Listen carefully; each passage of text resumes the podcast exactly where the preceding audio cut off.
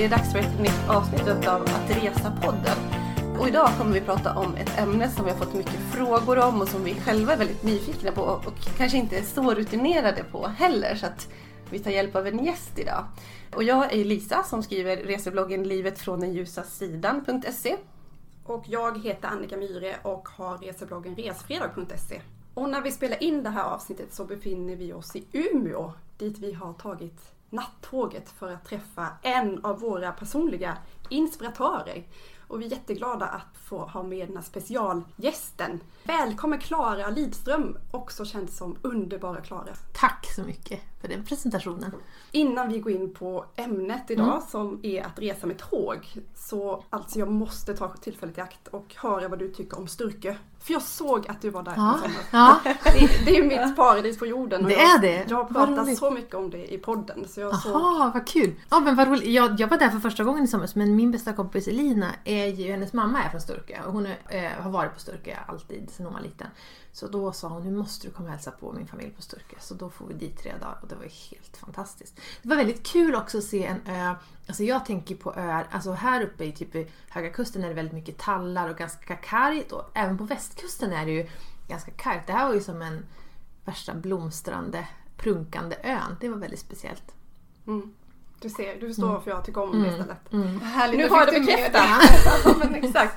Men Klara, du måste berätta lite mer om dig själv, för för oss är det så givet mm. vem du är. Vi har mm. följt dig i bloggvärlden länge, i många mm. år och tycker du gör det så otroligt bra och inspirerande. Men underbara Klara, Mm. vem, vem är du? Ja, men jag har bloggat sedan är det 12 eller 13 år och jag var en av de första eh, bloggarna i Sverige och det har jag tänkt på var ju väldigt tur för det var ju därför den blev så stor. För att det fanns inte så mycket bloggar i början så jag var liksom med när det kom fram. Och på den tiden så var ju bloggvärlden väldigt bjussig och snäll och man kommenterade jättemycket och likade och eh, man kunde liksom få 300 kommentarer på en bild på sina nya skor typ. Alltså det var väldigt så här, och väldigt låg nivå på allting. Man skrev inte så bra, man fotade inte så bra men, men det var väldigt, ett väldigt härligt community. Sen har jag fortsatt under flera år och eh, jobbar framförallt som influencer och jag tänker på min blogg som ett mediehus. Alltså jag har en Youtube-kanal, jag har en podd som heter En underbar podd som jag gör med Erika Dahlgren. Ja, men jag gör massa, massa olika saker men bloggen är liksom fortfarande liksom mitt, mitt huvudfokus och det jag tycker är roligast. Men sen skriver jag också krönikor för Expressen och gör mycket böcker och så driver ett klädmärke som heter Miss Clarity som gör klänningar av olika slag. Och jag bor då här uppe på landet fem mil utanför Umeå på en liten gård. Jag är Eh, har alltid varit en riktig hemmakatt. Alltså inte haft mycket reslust i mitt liv. Men sista åren har det verkligen ändrats. Lite tror jag på grund av att jag har blivit äldre och lite tryggare och känt att jo men jag klarar nog av äventyr runt om i världen. Så att jag har fått väldigt mycket reslust sista åren faktiskt. Och har du rest mycket senaste åren och vad har du gjort då? Mm. Alltså eh, senaste åren så har jag faktiskt haft förmånen att resa mycket och till speciella destinationer eftersom jag har jobbat med Unicef. Eh, och då har jag varit med dem i mm, Kenya och sen har jag varit i Malawi med dem och sen så har jag, när jag var i Malawi, reste vidare till Zambia och träffade upp en kompis för där driver vi ett företag som gör handstickade gosedjur där vi har lärt upp zambiska kvinnor att sticka. Eh, som heter Jawamo Sweden, fick jag det sagt också. Mm. Så då har jag rest dit och sen så har vi bara varit mycket utomlands på vintrarna nu för min man har jobbat som sjukgymnast, eh, mycket i Spanien, så bara att liksom vara ett varmt land längre perioder är ju speciellt att ha ett hus där och inte bara bo på hotell. Och... Alltså ni har hus själva i Spanien? Eh, vi har hyrt hus där vi har hus. Mm. Hur länge har ni varit där? Eh, min man var borta, var han borta tio veckor i vintras. Vi var inte där alla veckor, vi var där tre, fyra veckor med barnen. Nu är det svårt för nu har min son börjat ettan. Så nu kan vi inte vara borta så mycket. Men men... Det är ju ständigt återkommande problem. Men de har ja. svensk skola där va? De, de har ju det. Marbella är ju bra på det sättet. Mm. Eller hela sol, spanska solkusten finns ju svensk skola. Så det, det, skulle ju gå. Men jag gillar ju svensk vinter. Mm. Så att jag vill helst inte vara borta från den så mycket. De här resorna till eh, era initiativ eh, runt om i världen och med mm. Unicef och sådär, mm. vad har de gett dig? Du måste berätta lite mer ja, om det. Ja, men jag. jag tror att man när jag var 20 så reste jag till Indien med min man och reste runt där väldigt länge. Och han kände sen när jag kom till Indien, bara, åh, hemma. Alltså han kände verkligen att den här kulturen eh, kan jag relatera till. Och jag kände, uh! Så här, jag tyckte verkligen att det var fruktansvärt. Jag ska aldrig resa tillbaka till Indien, usch vad hemskt det eh, Och jag har rest lite i Asien och kände inte så någonstans riktigt att, eh, liksom att det kändes sådär att jag, det här känns som något jag kan relatera till. Men när jag däremot kom till till, jag har besökt olika afrikanska länder och jag har känt precis tvärtom. Att åh, men den här kulturen kan jag relatera till. Det här känns mycket mer, här skulle jag kunna bo till exempel. Sen har det varit tuffa resor för att jag har ju sett, liksom, när man reser med Unicef får man ju se det värsta. Man får ju se människor som eh, dör av svält och liksom kvinnor som eh, kanske har åtta barn och ingen man och eh, bor i en plåtskjul i slummen liksom. Så att det är ju inte upplyftande på det sättet men, men det är väldigt, jag älskar att resa för att det känns, man vet Alltså som barn är det ju så att, att varje dag är det någon ny plats i hjärnan som upptäcks för dem. Alltså de lär sig en ny bokstav eller de lär sig något, något nytt om världen och som vuxen är man ganska blasé. Man känner sig, ja men man gör ungefär samma sak jämt och man vet ungefär hur folk är. Men när man reser någonstans så är det som att en, en nedsläckt plats i ens hjärna eller någonting man bara haft ett väldigt vagt hum om tänds upp. Så man känner sig ju som att man, man känner sig, man, det är så utvecklande att resa. Eh, så det har varit väldigt, väldigt roligt att eh, få vara just på de ställena och också ta komma nära lokalbefolkningen på ett sätt man absolut inte kan göra om man inte reser med Unicef. Det är ju farliga områden, man reser ju med beväpnade vakter och konvojer och så. Så det är ju speciellt på det sättet. Men, mm. Oerhört intressant och det finns ju mycket på din blogg att läsa mm. om det. Och vi har ju pratat lite grann med Plan Sverige mm. som också gör den typen av resor som man faktiskt som privatperson kan vara med på. Mm, där man kombinerar resor av mer vanligt snitt där man ser och upptäcker någonting och kanske är på ett härligt ställe med att faktiskt se och lära sig om. De har ju sin flicka-fadder eh, sina flicka-fadder-initiativ som är helt fantastiska och där det finns en riktig win-win i det här mm. med att, att se ett ställe men också uppleva så mycket och kunna bidra till det också och bli ännu mer angelägen om att bidra. Och vi skulle kunna prata med dig mm. i 14 avsnitt om dina mm. resor, dina känslor, dina mm. tankar. Mm. Men just det här avsnittet kommer vi gå in lite djupare på just tågresor. För det känns lite som att sommaren 2018 som gick nu så var det som att i mina kretsar att det exploderade det här med att resa med tåg. Mm. Och det var ju lite som en, ett led av den här miljödebatten som hela tiden har pågått och som ständigt pågår. Mm. Och vi har inte rest, jag har rest väldigt mycket med tåg i Sverige mm. men inte mycket utomlands. Lite grann i Tyskland, jag har bott där och vi åkte runt med tåg en del.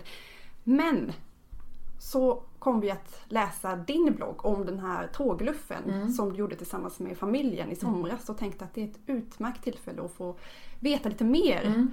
Och vi har fått just många frågor om att resa med barn. Mm. Alltså ge sig av, för det kan vara en, en tröskel att ta sig ut med barnen. Mm. En sak att dra iväg och tågluffa själv som ungdom, det är många som har gjort. Men att resa med barnen, hur gör man? Vad ska man tänka på? Mm. Och vad lärde du dig och vad vill du Absolut. berätta för oss. Så det kommer vi prata lite ja, mer om. Verkligen. Hur kommer det sig att ni kom på tanken att tågluffa och eh, har du åkt mycket tåg tidigare?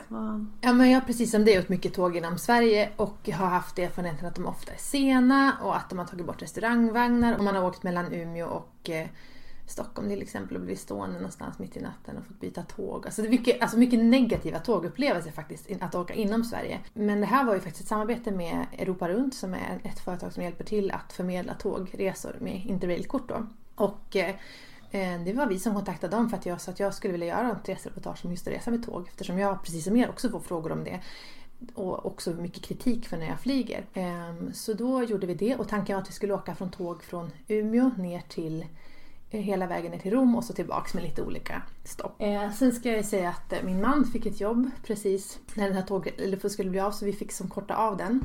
Så vi fick flyga ner till Zürich och så åkte tåg ner till Rom och så flög vi hem. Och det kan jag säga, det var de sämsta bitarna av resan. Alltså att flyga, det var verkligen, det var så jobbigt och botten. Vilket jag ofta tycker att det är med barn. Medans att åka tåg med barn, det var det mest underbara. Och Eh, vi åkte ju genom Schweiz och Italien. Men det var ju ingen försening, det var liksom, fanns inget som strulade. Det är ju alltid något som strular. Det är alltid något som är sen. Det var ingenting som strulade en enda gång. Då var det ändå massor av olika byten. Eh, så att jag och min man var helt förundrade över hur kan det vara så här smidigt? Och då hade vi heller inte, vi reste liksom inte med någon bra ryggsäck. Vi reste med en stor resväska och en stor vagn. Alltså det är ju jätte, typ som att vi skulle ha åkt pendeltåg eller någonting inte alls backpacker-stilen utan kostym och finskor och stor, stor, stor resväska. Och det gick jättebra. Så att, och det var ganska skönt också att känna att ja, men just det, man måste inte göra tågluffa-grejen. Luffat med tåg genom Indien och man liksom man får inte tvätta händerna när man har torkat sig i rumpan med fingrarna för att det finns inget vatten på tågen, det finns inget toapapper. Alltså det här ovärdiga, utan det var väldigt värdigt alltihop på ett väldigt härligt sätt. Men eh, funkade det då med den här stora resväskan och vagnen? För det kan jag tycka bara i Sverige och jag har rest en del själv med barnen och sådär att ja, med ryggsäck då blir det mycket enklare Mm. och en vagn som är lätt att, att ha ihop och så vidare och så Mm. vidare. Men det fanns ändå utrymme. Det gjorde ju det. Alltså Så. jag skulle, nu skulle jag nog inte göra, jag skulle nog ha, kanske ha, inte ryggsäck men mindre packning skulle jag ha.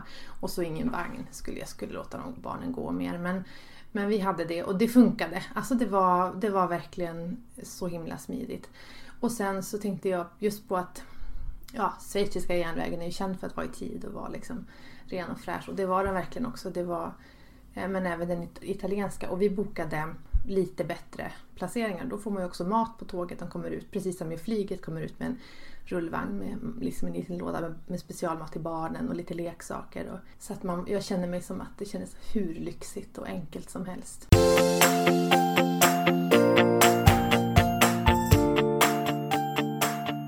Valde ni destinationer för Mm. den här rutten? Ja men eh, både jag och min man har rest en del i Italien och tycker mycket om Italien och, och ville resa runt i Italien med tåg. Eh, men vi ville också se, alltså jag hade hört så mycket om den här sträckan mellan Zürich och liksom, innan man byggde de här tunnlarna så man kunde liksom åka genom Alperna på någon timme så var man tvungen att åka snirkla sig över. Och det finns det något som heter Benina Railway som är en helt fantastisk tågsträcka där man åker ett tåg som det tar ungefär en halv dag och tåget har liksom glastak och glasväggar. Så det är inte som ett vanligt tåg att man sitter och tittar ut genom lite rut utan man, har- man ser liksom Alperna, alltså man ser toppen av bergen. Och så åker man den här vägen då och så har de, det är lite dyrare förstås men eh, man ser jättefina saker och de har också jättebra mat på tåget. Och, så jag känner bara att den vill jag åka och det är en väldigt populär destination. Så att där reserverar vi faktiskt plats för att ha liksom garanterad bra plats där. Men det var den enda gången vi reserverade plats. Vi, vi åkte ju i april så det är ju inte högsäsong riktigt utan det var lite innan högsäsongen. Och då kan man göra så också. Uppskattade barnen det? För mina barn kan ändå, nu är de hyfsat samma ålder, mina Mm. barn är nog något år äldre än dina som är fyra och Mm. sju någonstans. Nej, men mina barn kan verkligen, jag tror att de är påverkade av mig och kan säga åh vad det här var vackert Ja. och använda den typen av ord. Mm, Jag upplever att dina barn Verkligen. De var väldigt fascinerade och Eh, det är också mysigt med tåg för att på flyg så kan man inte interagera med andra människor. Men vi satt på vårt tåg och min eh, då treåring var ganska vild och höll på att hoppa upp ner i stolen. Men han var glad, han var inte jobbig. Men jag såg ett äldre brittiskt par som satt och tittade på oss hela tiden och jag kände liksom så här, oh vad obehagligt, vad tittar de på? Så här, och försökte vara duktig. Eh, och satt och tittade hela tiden på min son. Och när vi skulle gå av så kom han fram till mig och bara Madam, you have lovely kids. Och så berättade han en, liksom att han och hans fru har rest med sina barn med tåg sedan de var små. Eh, att det påminner honom om det och att berätta massor om sitt liv på de där liksom, några minuterna vi stod innan vi skulle gå av tåget. Och det var så fint att det var just så. Att det inte var liksom Men få din unge och sitt still. Utan det var liksom Åh vad roligt att du tar med barnen på tågluff. Så att jag, jag upplevde bara att det var den stämningen faktiskt. Så vi åkte liksom, vi åkte Zürich ner till, första stoppet var ju då, eh, och det kommer jag faktiskt inte ihåg vad det heter, men man åker till, till liksom, på en dag åkte vi Zürich till Verona. Eh, och då åkte vi från Zürich tidigt på morgonen och bytte tåg en gång för att komma till Benina Railway som är liksom en, en speciell järnväg. Eh, och så åkte vi den kanske 5-6 timmar och sen så tog vi oss till Verona. Och det är det som också med speciellt när man är från Norrland. Och det, liksom, du kan åka i sju timmar, du tar inte ens till Stockholm. Ehm, Så att, att åka liksom 5-6 timmar och passera in i ett nytt land och en bra bit in i landet, det var väldigt fint. Så det var ju en sträcka på nästan, alltså det var nästan en hel dag som ni åkte. Ja, för då första dagen. och, Ja. Och det tror jag man kan tänka på också att man, det var vår första sträcka liksom vi åkte. Om man ska åka i Europa och se någonting så är ju nattåg ingen vidare idé. Man kan ju åka nattåg ut ur Sverige men det är ju så korta sträckor, alltså det är ju så nära mellan allting i liksom Centraleuropa så att där vill man ju inte ligga och sova när man åker genom Alperna eller liksom norra Italien och åker förbi Comosjön och allting. Så då vill man ju vara vaken. Och sen tycker jag att tåg är så bra för att det är svårt att låta barnen vara uppe och springa i ett flygplan när man åker långt. Tåget är ju det inget problem, man kan gå runt i vagnarna och kolla och ja. Vad hade ni med i packningen till barnen för att underhålla dem? Det är en vanlig Ja. förekommande fråga. Ja men det vi hade med i packningen till barnen var ju bland annat lite ritgrejer. Eh, vi hade några kortspel, Uno med oss och eh, Löjliga familjen.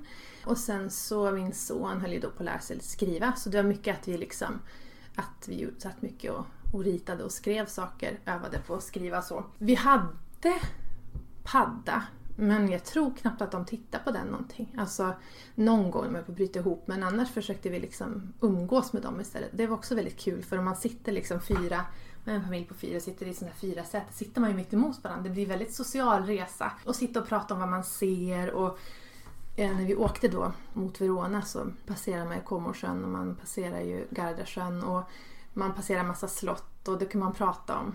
Alltså det är som, man har lite större barn som är sju år så kan man verkligen prata om men, kungar och, och liksom Alltså lära dem mycket om historia. Alltså det är väldigt, det är ja. väldigt kul på det sättet. Och de är ju ofta så intresserade ja. utav det är min uppfattning mm. också. Mm. Det är även när man reser längre bort i världen och pratar ja. om olika religioner och sådär. Mm. Det finns ju få tillfällen där man faktiskt har förmåga ja. och möjlighet att fånga upp barnens intresse och spinna vidare på det. Så. Jag tror att det där med umgänget som du pratade om det är verkligen en positiv mm.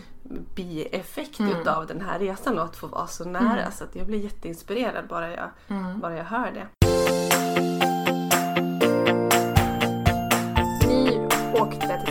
två barn, mm. du och din man. Mm. Men hur såg det ut i övrigt bland era medresenärer? Vad är det för klientel som åker tåg?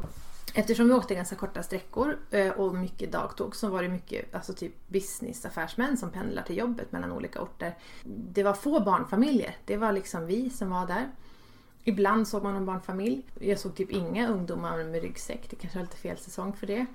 Men väldigt vanliga. Det var också roligt att det var väldigt vanliga italienare som satt och åkte tåg till och från jobbet och pratade med varandra och hade med sig matsäck på tåget. Och liksom jobbpendlade. Så det tyckte jag också var roligt. Det känns, och så är det ju ofta man åker tåg. Att det är mycket mer träffa lokalbefolkningen i ett land. Det är ett sätt att liksom få iaktta vanliga människor.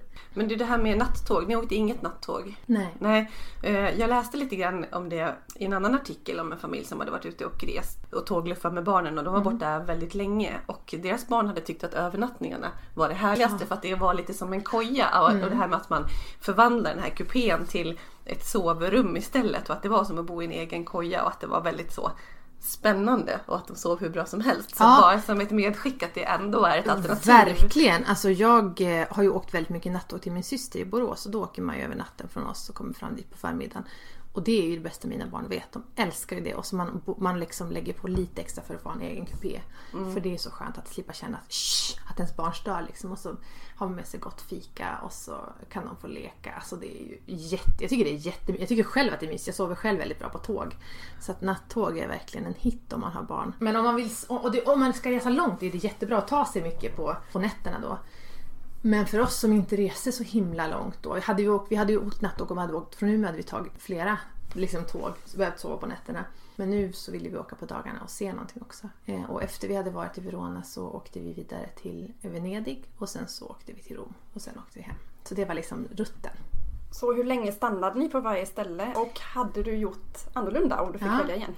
Det blev väl så att vi stannade typ eh, två till tre dagar på varje ställe. Och jag hade gärna varit någon dag till i Rom kan jag känna. För det finns ju så mycket att se där. Men, eh, och jag skulle nog säga det också att jag, jag tycker att det är skönt att sova två nätter. För om man bara ska sova en natt så tänker man att man kan inte upp ute så sent ikväll för imorgon ska vi upp och tömma lägenheten eller vad man nu hyr, Airbnb. Och så ska man iväg. Då har man lite, alltså, lite otrygghet i kroppen om man känner att man ska iväg. Så jag tycker att det är skönt att sova två nätter på alla ställen åtminstone. För att känna att men nu är vi här två dagar. Och för barnen så är två nätter en ganska lång period. De hinner verkligen känna att det här är mitt ställe nu. Ehm, jag hade gärna, som sagt, tanken var en längre tågluff och jag kände också att jag hade lätt kunnat vara ute en vecka till. Eller två veckor till. Men samtidigt så kändes det som de där åtta dagar eller vad det var kändes som att vi hade varit ute 14 eh, dagar och mina barn trodde att vi hade varit borta en månad. De mm. hade upplevt så mycket. Så att, mm. Mm. Och hur bodde ni? Vi hade tagit, eh, ja men det var, det var, det var det som var så roligt därför att vi kände så här, ja men jag har varit utmattad, jag är ganska, jag är inte alls så rackeltålig som jag har varit. Jag, alltså jag har ju varit sån, ja men man tågluffar in den är ju ganska skabbigt. Men jag kände att jag kommer inte fixa att ja, vi ska bo jättedåligt, jag kommer inte fixa att vi ska gå och dra tunga väskor och det orkar inte jag. Så vi var ganska så här, men det ska vara trevliga Airbnb ställen vi hyr. Vi hyrde in oss på något ställe i Verona som var jättefint och på något hotell någon gång i Rom, det var det värsta. Men annars så bodde vi på ett jättefint bed and breakfast i Venedig också. Det var, eftersom det var off season så jag tyckte inte att det var så himla Det är klart att det var det som drog iväg för oss ändå, en hel familj. Men det kändes som att vi gjorde tågluff, tågluffning på ett lite, inte fullt så budgetaktigt sätt. För det är ofta det man tänker att tågluffning ska vara. För att man tänker att det är ungdomar som tågluffar. Och det är ju jättebra att man kan göra det. Man kan ha det väldigt billigt och enkelt. Men det kan också vara superbekvämt. Och man kan också känna att man reser med värdighet med en snygg resväska. Och liksom, man kan känna sig chic. Man, för det, så det är det man kan tänka att om man är i den här, liksom man gillar typ att tänka att man åker en weekend till London och då vill man åka och känna sig chic. Då vill man inte komma dit med ryggsäck. Och den typen av turistande känns som att det ökar. Eh, Och då har man, kanske man tänker att ja, men då kan man inte tågluffa för då måste man ha en, eh, en konkenrygga och en enormt stor liksom, och gympaskor. Så, Nej men det måste man inte när man åker tåg heller. Om man inte vill. Så vi hade, vi hade inte liksom värsta budget, eh, lågbudget luffningen. Vi hade lite bättre men inte jättedyrt heller. Vi körde lite flashpacking. Ja. Ja, precis. Jag tänker på det här med biljetter och bokning. Det finns ju olika typer av biljetter. Man kan välja att man reser hur många dagar som helst under en månad eller kanske fem specifika resdagar i en månad. Ni åkte inte superlånga eller Nej. jättemånga länder eller en lång tid så. Men hur gjorde ni med eh, biljetter och bokningar och, och sånt? Eh, ja, eftersom jag gjorde det tillsammans med Europa Runt så ringde jag till deras kundtjänst och fick liksom hjälp. De har en jättebra bokningsservice då. Eh, och eh, så pratade jag med dem och det var också de som liksom, jag frågade, jag vill åka, jag har hört att det finns någon fin järnväg man kan åka i Schweiz. Jaha, ja vänta då ska jag tänka. Du vet, så, här, så de har verkligen så här investerat i att hjälpa oss att eh, göra upp en bra rutt. Och den här, den här vill jag verkligen rekommendera. Alltså de, de, det kändes som att man ringde till en riktigt så här gammeldags resebyrå där de liksom, någon har faktiskt varit ute och rest de här rutterna. Eh, så att det gjorde vi och jag, jag känner mig väldigt nervös just för jag är van att flyga så hur blir det med att springa och leta avgångar och oh, tänk om man inte vet var man ska sätta sig och hur funkar det med placeringen? Och, det var ingenting som var struligt. Jag tror att vi tog, jag, jag kommer faktiskt inte ihåg på rak arm, det finns ju på bloggen tror jag har en tågluffarguide där det står all, exakt hur vi tänkte. Men vi hade ett visst antal resdagar inom en period. Jag tror att vi hade fem resdagar inom en två veckors period. Jag kommer faktiskt inte riktigt ihåg. Um, och sen då så om man ska göra reservationer så måste man betala lite extra. Um, så på, på den här Bernina Railway som vi åkte upp i Alperna där betalar vi några hundra extra för att liksom få sitta på bra platser och sitta ihop. Och, och det tror jag man ska göra om man är familj för man vill ju inte bli utplacerad eh, ifrån varandra. Det finns ju en annan resebyrå som är känd också för att de är så duktiga på tåg. Precis, en resebyrå i Kalmar. Mhm. Eh, vad man än läser om tåg, tåggrupper och sådär så brukar de tipsa om Centralens resebutik i Kalmar. Okej, vad roligt. Ja, men där får man fler tips då. Hur man kan tänka. Ja, men för jag tror att det är det som man kan behöva känna att, att man kan faktiskt behöva bolla lite med någon som, som vet lite grann. Och då kan man inte bara ha någon som kollar på nätet utan som också har själv åkt tåg och, och, och vet ungefär att de här, det här är bra standard på de här tågen och, och det där kan ni ta och liksom. Det kan vara värt att betala lite extra för att få den servicen och hjälpen Ja. i att lägga upp sin rutt. För oss var det verkligen det. Mm. Mm. Sen har jag också hört om en app som heter Rail Planner. Där kan man boka e-biljetter, man kan hitta tågstationer och man kan se avgångs och ankomsttider. Eh, Så det är en app, Rail Planner och finns också en sajt som heter rail.cc som funkar liknande. Jag ska bara kolla vilken app jag använder. Undrar jag hoppas inte jag har raderat den nu. För jag undrar om det var Railplan jag hade. Eller så var det Interrail-appen. För den var så himla bra för den kan man använda även i offline-läge. För man kanske inte har surf när man sitter på ett tåg och, och så. Och där fanns också alla avgångar. Om, man, om det var en avgång man måste boka en reservation, liksom platsreservation på. Eller om man bara kan hoppa på. Så ser man det i appen och den funkar även om man inte är upp, uppkopplad mot någonting. Så till exempel när vi åkte från Venedig till Rom så då såg jag i appen att det fanns inga avgångar när man inte var tvungen att boka en, liksom en plats. Och då direkt så känner jag, åh vad jobbigt, åh, måste jag leta rätt, var ska man göra det? Så här, men då åkte vi bara till järnvägsstationen i Verona och så gick jag in i första bästa disk där och fick det. Alltså det så upplever jag också att det är ofta med, med resor, att man sitter hemma och oroar sig. Hur ska det här gå? Hur vart gör man det då? Så det, det, det kommer du upptäcka när du är där. Bara håll dig cool, allting löser sig. Så. Men att ta sig runt på stationerna då? För det kan ju också vara så, är man lite rädd för man kan inte språket Ja. och var ska vi, vilken perrong? Hur upplevde du hela den? Eh, Jag tyckte att det var väldigt enkelt för att det var väldigt tydligt märkt. Alltså när vi var på, i Milanos stora, eh, stor, enormt stora tågstation så var det supertydligt uppmärkt och det fanns folk att fråga också. Och det fanns också, vi tänkte hur ska vi hinna få oss någonting att äta? Dels på vissa tåg serverar ju mat men sen så Ja men på varenda, varenda, varenda, varenda perrong står det en sån här automat där du kan trycka ut chips och dricka och lite, alltså snacks och tilltugg och så. Så att jag tyckte att det funkade faktiskt väldigt bra. Vi hade ju som sagt en barnvagn, eh, en dubbelvagn, så här 70-tals briovagn som var väldigt bred som våra barn satt i. Vilket alla italienare tyckte var väldigt suspekt. Så här, vem har en sjuåring i en vagn? Men det var just för att Ja men tänk om vi måste springa mellan tåg eller så. Då gick det väldigt, men jag skulle vara bättre att inte ha vagn för att det är ju mycket lättare att ta sig igenom en folkhoper om man kan gå med två små barn. Eh, Mm. Eller bära dem. Ja precis vad jag skulle säga. Alltså, Mm. så här, om de är lite yngre men bärsele är ju så sjukt Ja. bra och även liksom två treåringar kan Mm. man ju sätta på ryggen i en bärsele Precis. så det är ju bara Mm. det bästa. Man vill ha koll på dem, man Exakt. vill få händerna Man har fria. händerna fria, man, precis. Så det kan jag verkligen rekommendera. Men, Mm. men det handlar om en vana. Om man har rest mycket med flyg så vet man ju att det kan vara hetsigt när man ska byta gate och så. Men oftast, det finns ju tavlor, de är lik, alla tavlor ser likadana ut. Det är lätt att hitta liksom förstå. Och det upptäcker man också när man åker tåg, att det ser ganska likadant ut. Det är ganska standardiserat, i alla fall i Italien och i Schweiz. Det finns ju flera länder som inte är lika bra att åka tåg i, men det är ju riktigt bra tågländer faktiskt. Så det är inte svårt liksom att, att hitta saker på perrongen. Det är bara att man måste... Man, det finns precis som på flyg en standardiserad tavla att titta på. Eh, man måste bara upptäcka den.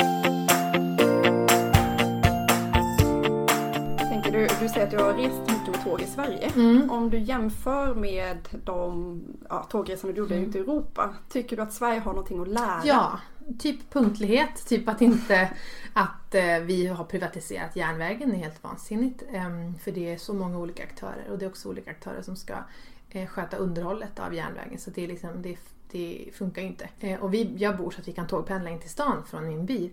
Och där har det också varit så i flera veckor under vintern att det går, det går inte, tågen går inte. Så att man kan inte lita på att man kan åka tåg. Eh, och sen också att vi har gjort så himla mycket. Vi är ju ett väldigt tekniskt framstående land, alltså vi är teknikkunnig befolkning. Men jag kan uppskatta så mycket just det här när vi åkte mellan Venedig och Rom och så kommer ut och man tänker liksom fuck, vi hann inte handla något fika på perrongen. Var ska vi?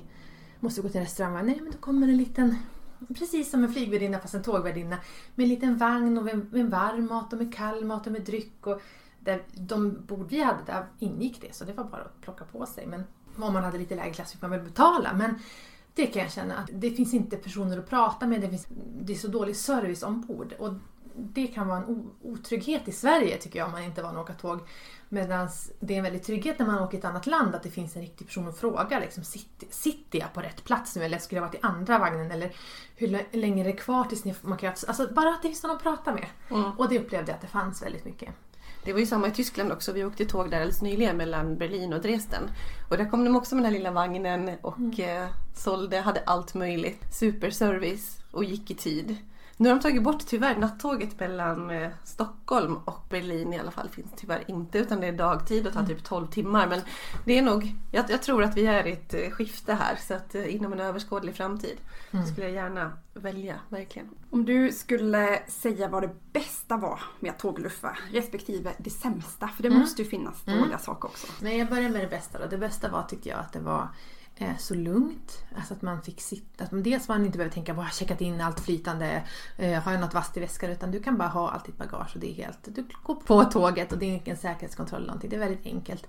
Och att du, du liksom kan umgås med dina barn. Och du sitter och pratar länge och, och du får se mycket från marken. Jag kände verkligen att vi gjorde ju bara tre stopp i Italien. Ändå kände jag bara, åh jag har verkligen varit i Italien för att man har sett så mycket av Italien bara när man resa genom landet. Eh, så det tycker jag var det absolut bästa. Eh, och sen, och ja förstås klimatsamvetet och känna det vart ju dock lite solkat av att jag var tvungen att flyga ner till Zürich men, men att känna liksom att åh, det här får uppleva allt det här. Det, det är liksom inte på bekostnad av något eh, med klimatet. Jag behöver inte också känna lite dåligt samvete utan jag känner bara åh, jag kan njuta av det här. Det sämsta, gud vad svårt. Jag tycker inte att det var någonting som var så här direkt dåligt med att tågluffa i sig. Jag kan inte komma på någonting som någon nackdel. Ja, det tar ju längre tid. Du måste ju ha tid såklart. Det är ju en jätte... Men det är ju, förstår ju alla. Det som är jobbigt är ju kanske också att man inte kan lämna ifrån sig sitt bagage. Alltså man skulle gärna pollettera det som man gör när man flyger. Att, men då måste man också då checka in saker. Men det är ganska skönt att inte ha någonting. Alltså bara resa med en handväska typ som man gör när man flyger. Och ha allt bagage undanstoppat någon annanstans. Men när vi åkte när vi var på den här resan så, så när vi var på väg hem så sa både jag och Jakob att det här tror jag är den bästa resa vi har gjort ihop. Och jag tror att det var en kombination av att vi hade valt en bra resrutt, ett lagom restempo och ehm, just det där att man på ett helt annat sätt än när man eh, flyger och så är med familjen under hela res, resans gång. Och att man har en väldigt stark känsla av att vara ute på äventyr. Vad händer om man bara går av här mitt ute i ingenstans? Och alltså, det, ja, äventyrskänslan blir väldigt stark och närvarande. Mm. Eh, hade du gjort någonting annorlunda? Du sa att ni skulle tagit tåget kanske hela vägen från Umeå. Ja, inte mer som... för, nej, för det tänker jag på att nog många säger också, men man kan ju flyga ner från Nordpå och starta där. Gör inte det om du har möjlighet. För att det, det är också, så fort man kommer till flygplatsen, en helt annan hets och stress och tempo. Utan försök ta tåg hela vägen, det skulle jag verkligen rekommendera. Om jag skulle göra om det så skulle jag jag skulle ju se till att jag hade mer tid. För att det, man känner när man är där nere och det är så nära till allting tänk vad skönt att vi har haft en dag till i Rom och sen bara kunnat sätta oss på tåget och åka till Sicilien. Eller, alltså, när man väl är där vill man inte ha eh, kort om tid utan hellre liksom tio dagar än sju dagar. Att man, om man kan, addera lite extra dagar. Har du någon uppfattning om hur smidigt det är att vara flexibel i resorna också? För nu hade ju ni en rutt mm. och visste vad ni Väldigt hade smidigt. Eftersom ja. att vi inte hade bokat vi hade bara bokat första eh, sträckan eh, innan vi reste från Sverige. Mm. Den över Alperna som kan vara fullbokad. Allt annat var ju att vi hade bokat in två nätters, att sova två nätter på alla ställen. Det. Så det hade varit väldigt lätt för oss om vi hade velat ändra och göra det. Det var ju som ingen som visste våra rutt förrän vi själva. Finns det några fler tankar på att tågluffa framöver? Ja, ja men det har vi verkligen bestämt oss för att göra. Och eh, det känns jättekul också. Nu har vi ju ett tredje barn på väg så det blir lite mer besvärligt då med den. Men det känns ju som en absolut en sak jag vill göra igen med min familj. L lite längre, alltså helst inte under 14 dagar. Och gärna off season. Så man får väl skolka med barnen eller någonting. Men alltså, vi var ju där direkt efter påsk så det var väldigt lugnt. då. det har vi absolut tänkt göra om. Och då kanske inte med någon stor barnvagn utan någon bärsele istället och så får de gå. Mm. Tror du det finns någon eh, lägre åldersgräns på vad du, vad du personligen skulle ta med? Eh, skulle du ta med en bebis och tågluffar? Ja, men jag skulle nog hellre ta med en bebis än att ta med en ettåring. För en bebis, alltså de kan du ju ha i din babybjörn eller din bärsele och de är nöjda och sitter där och liksom man ammar dem och så. Det är lite jobbigare att ha en ett och ett halvt åring som vill liksom springa men som, inte, som man inte, som inte kan gå själv någonstans, som man nästan måste ha en vagn eller ja, då en bärsele. Så det tror jag är en ålder som skulle vara jobbigare men jag menar våran son var, yngsta son var tre när vi var i Italien. Det funkade jättebra. Mm. Och sen tycker jag, man kan ju välja länder där folk tycker om barn. Italienarna är ju väldigt vänliga och överseende mot barn. Så man känner sig aldrig liksom, i Spanien är det ju så också, är, man känner sig aldrig liksom jobbig när man kommer med sina barn. Man känner sig mer jobbig i Sverige i så fall.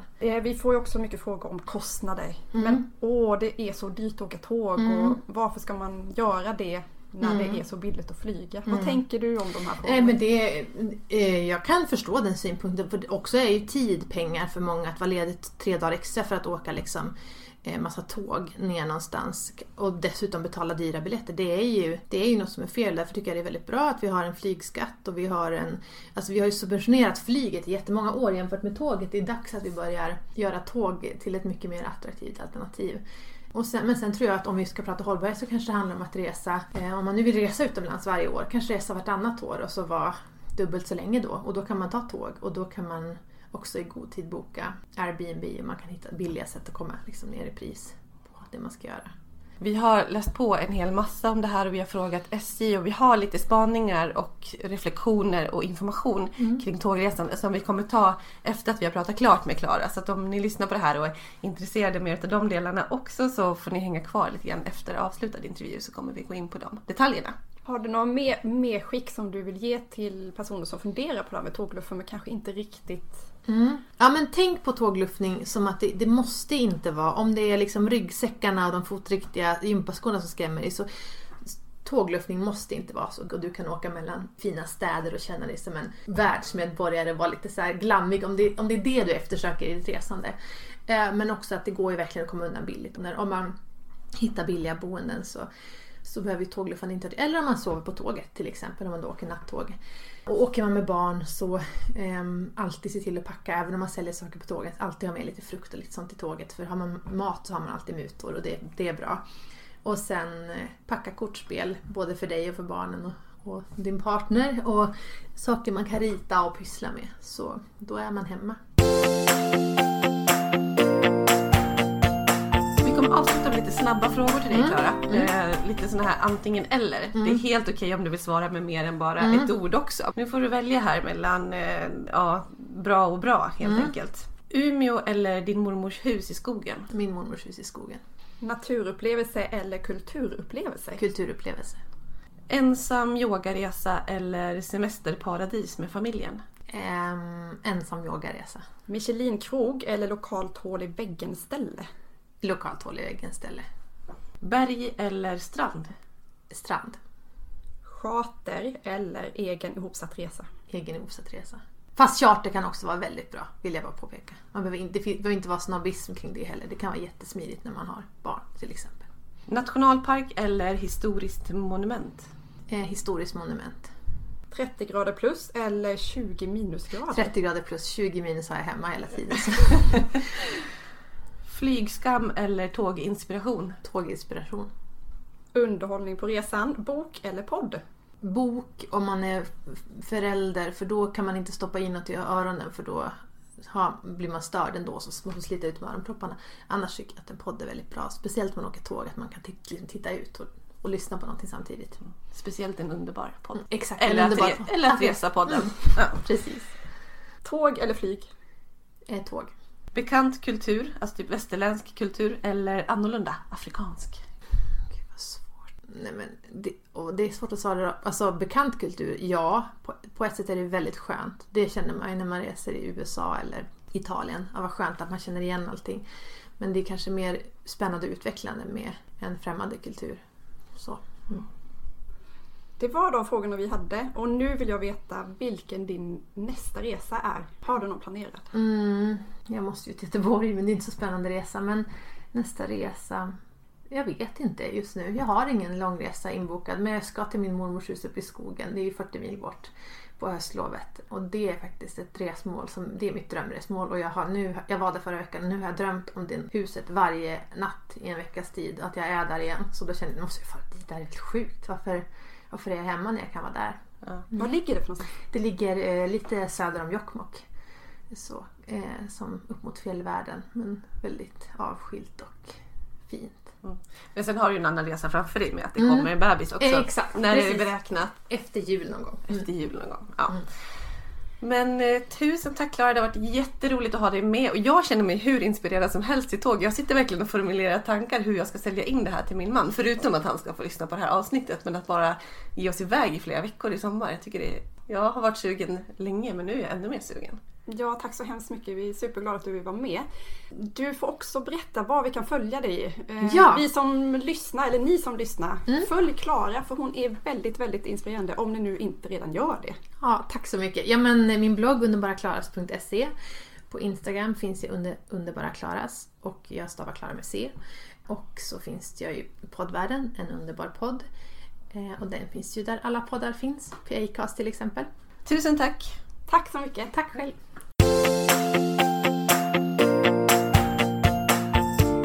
Okej, om vi ska ta vid vårt härliga samtal med Klara som framför allt tycker jag inspirerade kring det här med att resa med tåg i Europa med barn. Så ta vid med ytterligare lite information om det här med tåg.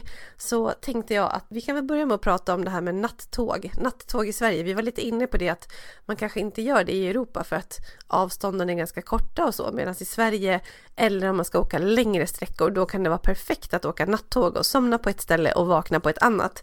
Själv har jag gjort det här i Sverige flera gånger och det vet jag att du också har gjort Annika. Ja, hur är din upplevelse? Jo, men jag åkte ju faktiskt nattåget upp till Klara för att ha den här intervjun och det är ju smidigt att kunna hoppa på tåget i Stockholm. Alltså jag steg på jag tog ett ovanligt långt nattåg, eller det tog lång tid, upp till Umeå. Men jag hoppade på vid sex i min kupé och då valde jag en sovvagn första klass. Jag var helt själv i min kupé och hade egen toalett och dusch i lilla kupén. Det är som en liten minilägenhet. Och jag tyckte att tiden gick alldeles för fort. Alltså jag hann inte med allting som jag hade tänkt att jag skulle göra. Jag skulle eh, jobba, jag skulle liksom redigera foton. Men helt plötsligt så var klockan tio och jag somnade som en stock alltså. Man vaggas fram och tillbaka, det här tågdunket och så vaknade jag av alarmet på tåget då gick igång en halvtimme innan vi rullade in i Umeå. Vid sju tror jag vi var framme på morgonen. Så att det kan tyckas att det är lång tid att sitta liksom, eller ligga på tåget, men det är hur skönt som helst och transporttiden är ju den tiden som jag ändå skulle sova i princip. Ja, men jag är lite imponerad av två saker Annika. Jag är imponerad av att det var ett 12 timmar tåg för att jag åkte också nattåg till Umeå och jag hoppade på tåget vid halv tolv på kvällen. Alltså typ vid midnatt ungefär och kom fram vid sju på morgonen. Så det är det ena jag är imponerad utav. Men det är väl lite olika avgångar och ibland stannar de ju till för att det ska täcka en hel natt. Man vill ju inte åka den tiden och komma fram så här 3-4 på morgonen. Så det är ju smart. Jag är också imponerad att du verkligen sov totalt hela natten utan att vakna. Det gör inte jag. Jag tycker att det är supermysigt och jag har mest åkt i eh, sovvagn i eh, andra klass. Och då är det tre britsar på varandra och de är ganska mjuka, det är färdigbäddat när man kliver på, det är verkligen bra sängkläder, liksom fint linne så. Och mjuka kuddar, riktiga täcken. Men jag tycker att det här dunket, alltså jag sövs av det å ena sidan men jag vaknar till och jag tycker att det låter lite mycket. Så för mig är det, jag måste ha inställningen att här ska jag bara sova oavsett vad. Och öronproppar. Men samtidigt tycker jag att det är helt magiskt att man somnar på ett ställe och vaknar på ett annat. Jag har åkt nattåg upp till Åre flera gånger, lagt mig i Stockholm sent, liksom lämnat familjen typ hemma när, när de redan har lagt sig, när till och med Henke har lagt sig. Åkt in till stan, hoppat på tåget vid T-centralen och vakna på morgonen, gå och käka frukost och vara uppe i backen vid typ nio hur bra som helst. Jag har också åkt till Riksgränsen, det är en längre resa, det är typ 16 timmar, men då hinner man ju med det här med att sitta och jobba lite grann och jag är sånt fan av nattåg alltså. Så bra. Det är väldigt stor skillnad på tågen får man ju också säga, beroende på vad man får för, för tåg, alltså hur fräscha de är. Jag åkte upp med ett superfräscht tåg och eh, hem med ett inte lika, det luktar lite illa på toaletten och sådär. Och också då i andra klass i en sovvagn. På nattåget så finns det liggvagnar, sittvagnar och sovvagnar. Så det är tre olika liksom, kategorier. Nej men det är sant och sittvagn är ju alltså ingenting jag skulle rekommendera en hel natt. Men det är klart, vill man spara pengar så är det billigast.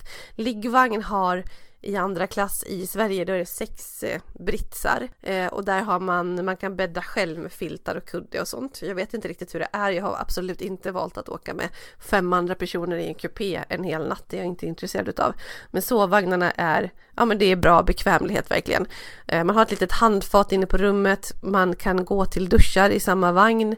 Eh, det finns helt okej förvaringsmöjligheter så sovvagn är om man vill sova så skulle jag säga att kosta på det. Ja, man sparar ju ändå kostnaden för en natts hotell. Ja, och där kan man också välja om man vill ha mixad kupé eller dam eller herr ska jag också nämna i de här sovvagnarna. Precis, och är man bara två personer kan man betala lite mer, inte så mycket som tre biljetter. Man kan lägga på lite pengar och då få hela kupén för sig själv. Eh, och i första klass, precis som du säger, så att om man bokar det så kan man inte bli medbokad med någon annan. Vad jag förstår så är det liksom att då har man sin egen kupé eller om man är två personer i samma kupé kan man också vara. Och för första klass så får man också frukost. Och i mitt fall när jag kom upp till Umeå så skulle jag få gå och eh, käka frukost på ett hotell faktiskt. Då skulle jag gå och eh, visa biljetten och eh, glida in på hotellet och käka frukost på morgonen.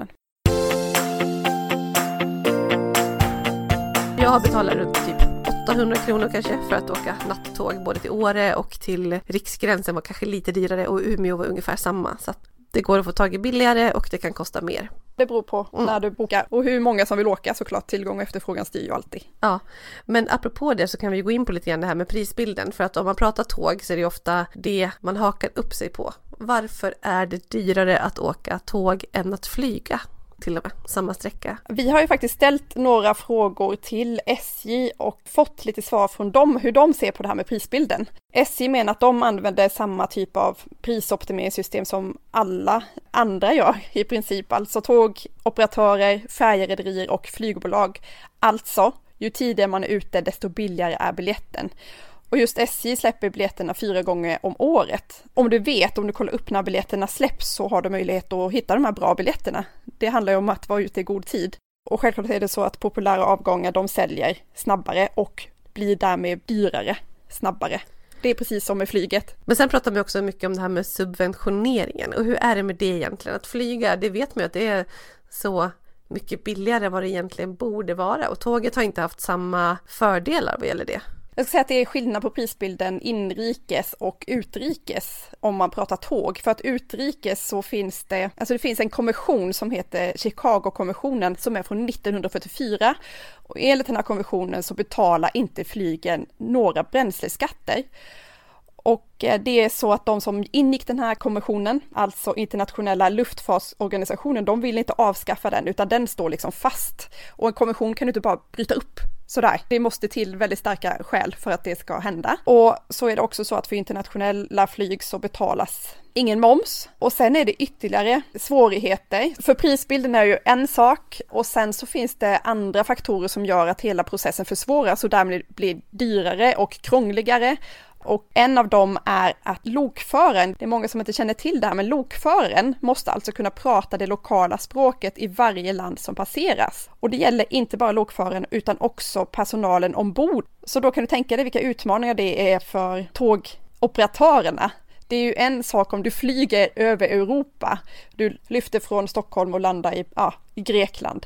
Men om tåget då ska åka igenom hela Europa så ska tågpersonalen kunna prata lokala språket i varenda land som du åker igenom. Och det innebär alltså, det här är ju så krångliga regler, så det här är en fråga om att harmonisera reglerna och göra, ja men det är en politisk fråga. Ja, ja exakt, för man kan slå på SJ eller operatörer eller varför är det så svårt, varför är det så krångligt? Men det finns alltså en massa regler som gör att det är så svårt att komma förbi. Det går inte, varken det är statens järnväg eller om det är lokal operatör som bara vill köra sina tåg ner till kontinenten. De kan inte komma överens om spårsträckningar och destinationer och att få ankomma någonstans utan det finns så mycket andra saker som försvårar. Så det är som du säger, det är en politisk fråga och eh, fasen jag blir upprörd när jag tänker på det här. Det är helt sinnessjukt och samtidigt så pratar man då om tågets miljövänliga fördelar, vilket vi står bakom till 110 procent och vill verkligen lyfta fram och det är därför vi vill ha det här avsnittet, inte som bara information utan huvudsakligen inspiration. Det är för att vi tycker att det här är ett så himla bra alternativ, att man ska kunna ta sig vidare. Och då kan man prata om den här äh, flygskamningen och att alltså, vi måste flyga mindre och så är det. Men det här är en politisk fråga och sen kan vi som konsumenter utav resor, vi kan påverka genom att efterfråga de här resorna, genom att resa nattåg till exempel långa sträckor istället för att flyga för att visa att efterfrågan finns. På det viset kan vi, var och en utav oss som ligger bakom eller som lyssnar på den här podden, vi kan påverka på det sättet. Men på det stora hela så är det min personliga åsikt verkligen att det här är ju politiska styrmedel och regler som behöver till för att vi verkligen ska komma framåt här. Ja, för att jag tror att vi alla är medvetna om de stora fördelarna som det innebär att åka tåg. Och när det funkar att åka tåg, då är det en väldigt bra upplevelse. Men det funkar ju inte alla gånger och det är den upplevelsen som många av oss svenskar har. Alltså SJ har ju ett oförtjänt dåligt rykte och jag är en av dem som är stundtals superirriterad och tänker men hur kan det inte fungera? Hur kan det inte fungera? Vi lever i ett land där det ska funka. Man ska kunna sätta sig på tåget och komma fram i tid. Det ska inte behöva vara så himla svårt, men det är ofta förenat med jobbigheter för många.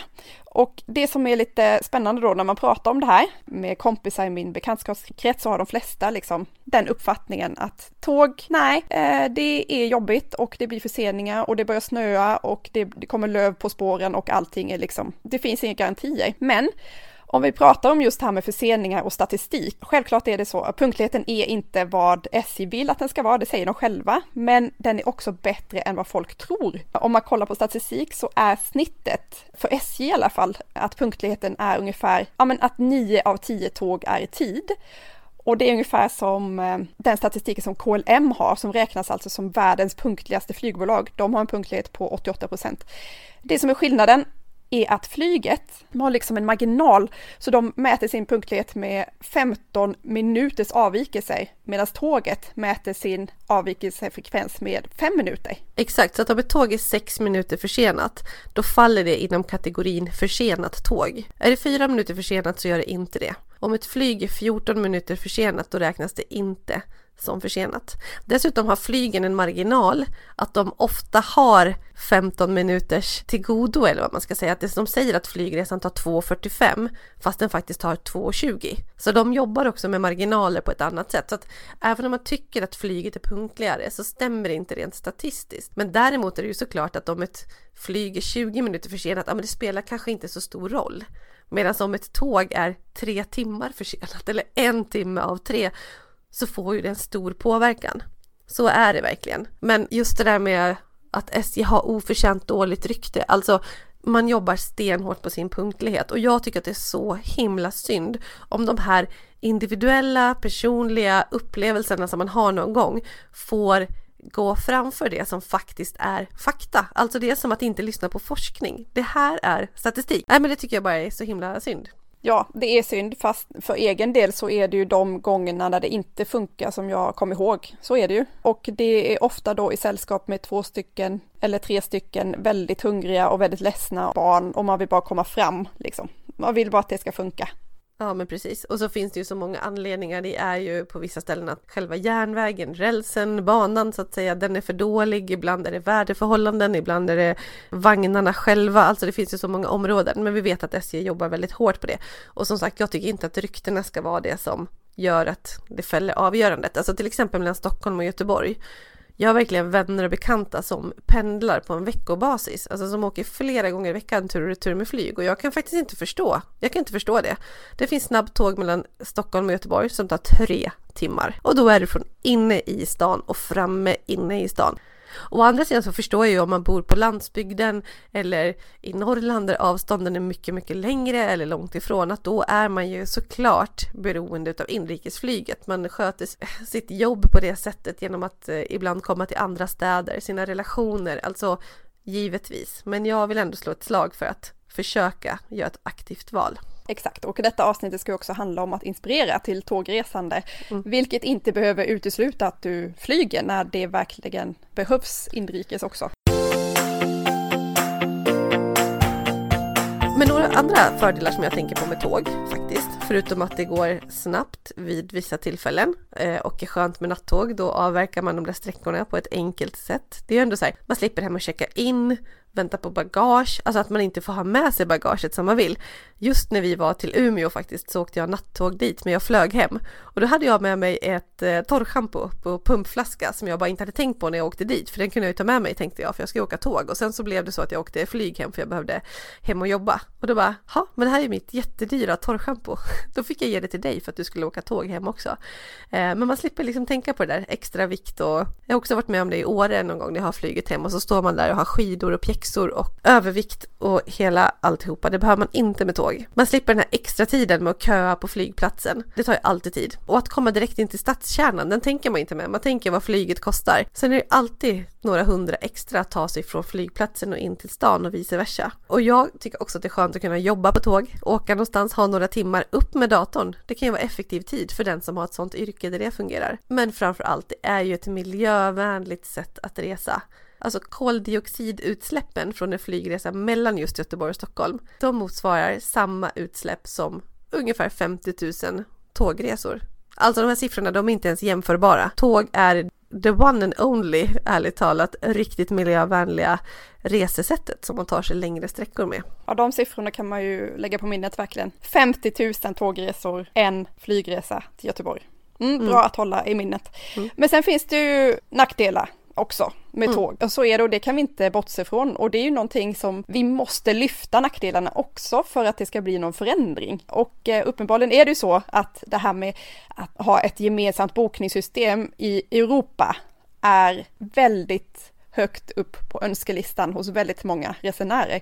Tänk att kunna ha en motsvarighet till Momondo eller flygstolen eller någonting och bara klicka i vad du ska och så rastar det till i datorn och så får du liksom allting klart, en biljett, varsågod, ut och åk tåg och så funkar det. Slutpriserna har vi pratat om, det här med prisbilden, de skrämmer också. Och att det är krångligt, man är lite rädd för att det är olika system i de olika länderna och de jackar inte alltid i varandra. Så du måste liksom veta hur det funkar att åka tåg i Tyskland du måste veta hur det funkar med platsreservation och så kommer du till nästa land och så fungerar det på något annat sätt. Det här kan ju vara någonting som skrämmer folk såklart, men som vi har nämnt tidigare, när, också när vi pratade med Klara, så finns det ju, finns ju hjälp att få. Om du inte vågar ta tag i de här grejerna själv så finns det ju både resebyråer och ja, men andra tjänster som kan hjälpa till för att underlätta resan. Vi kan också passa på att tipsa om en eh, Facebookgrupp som heter Tågsemester.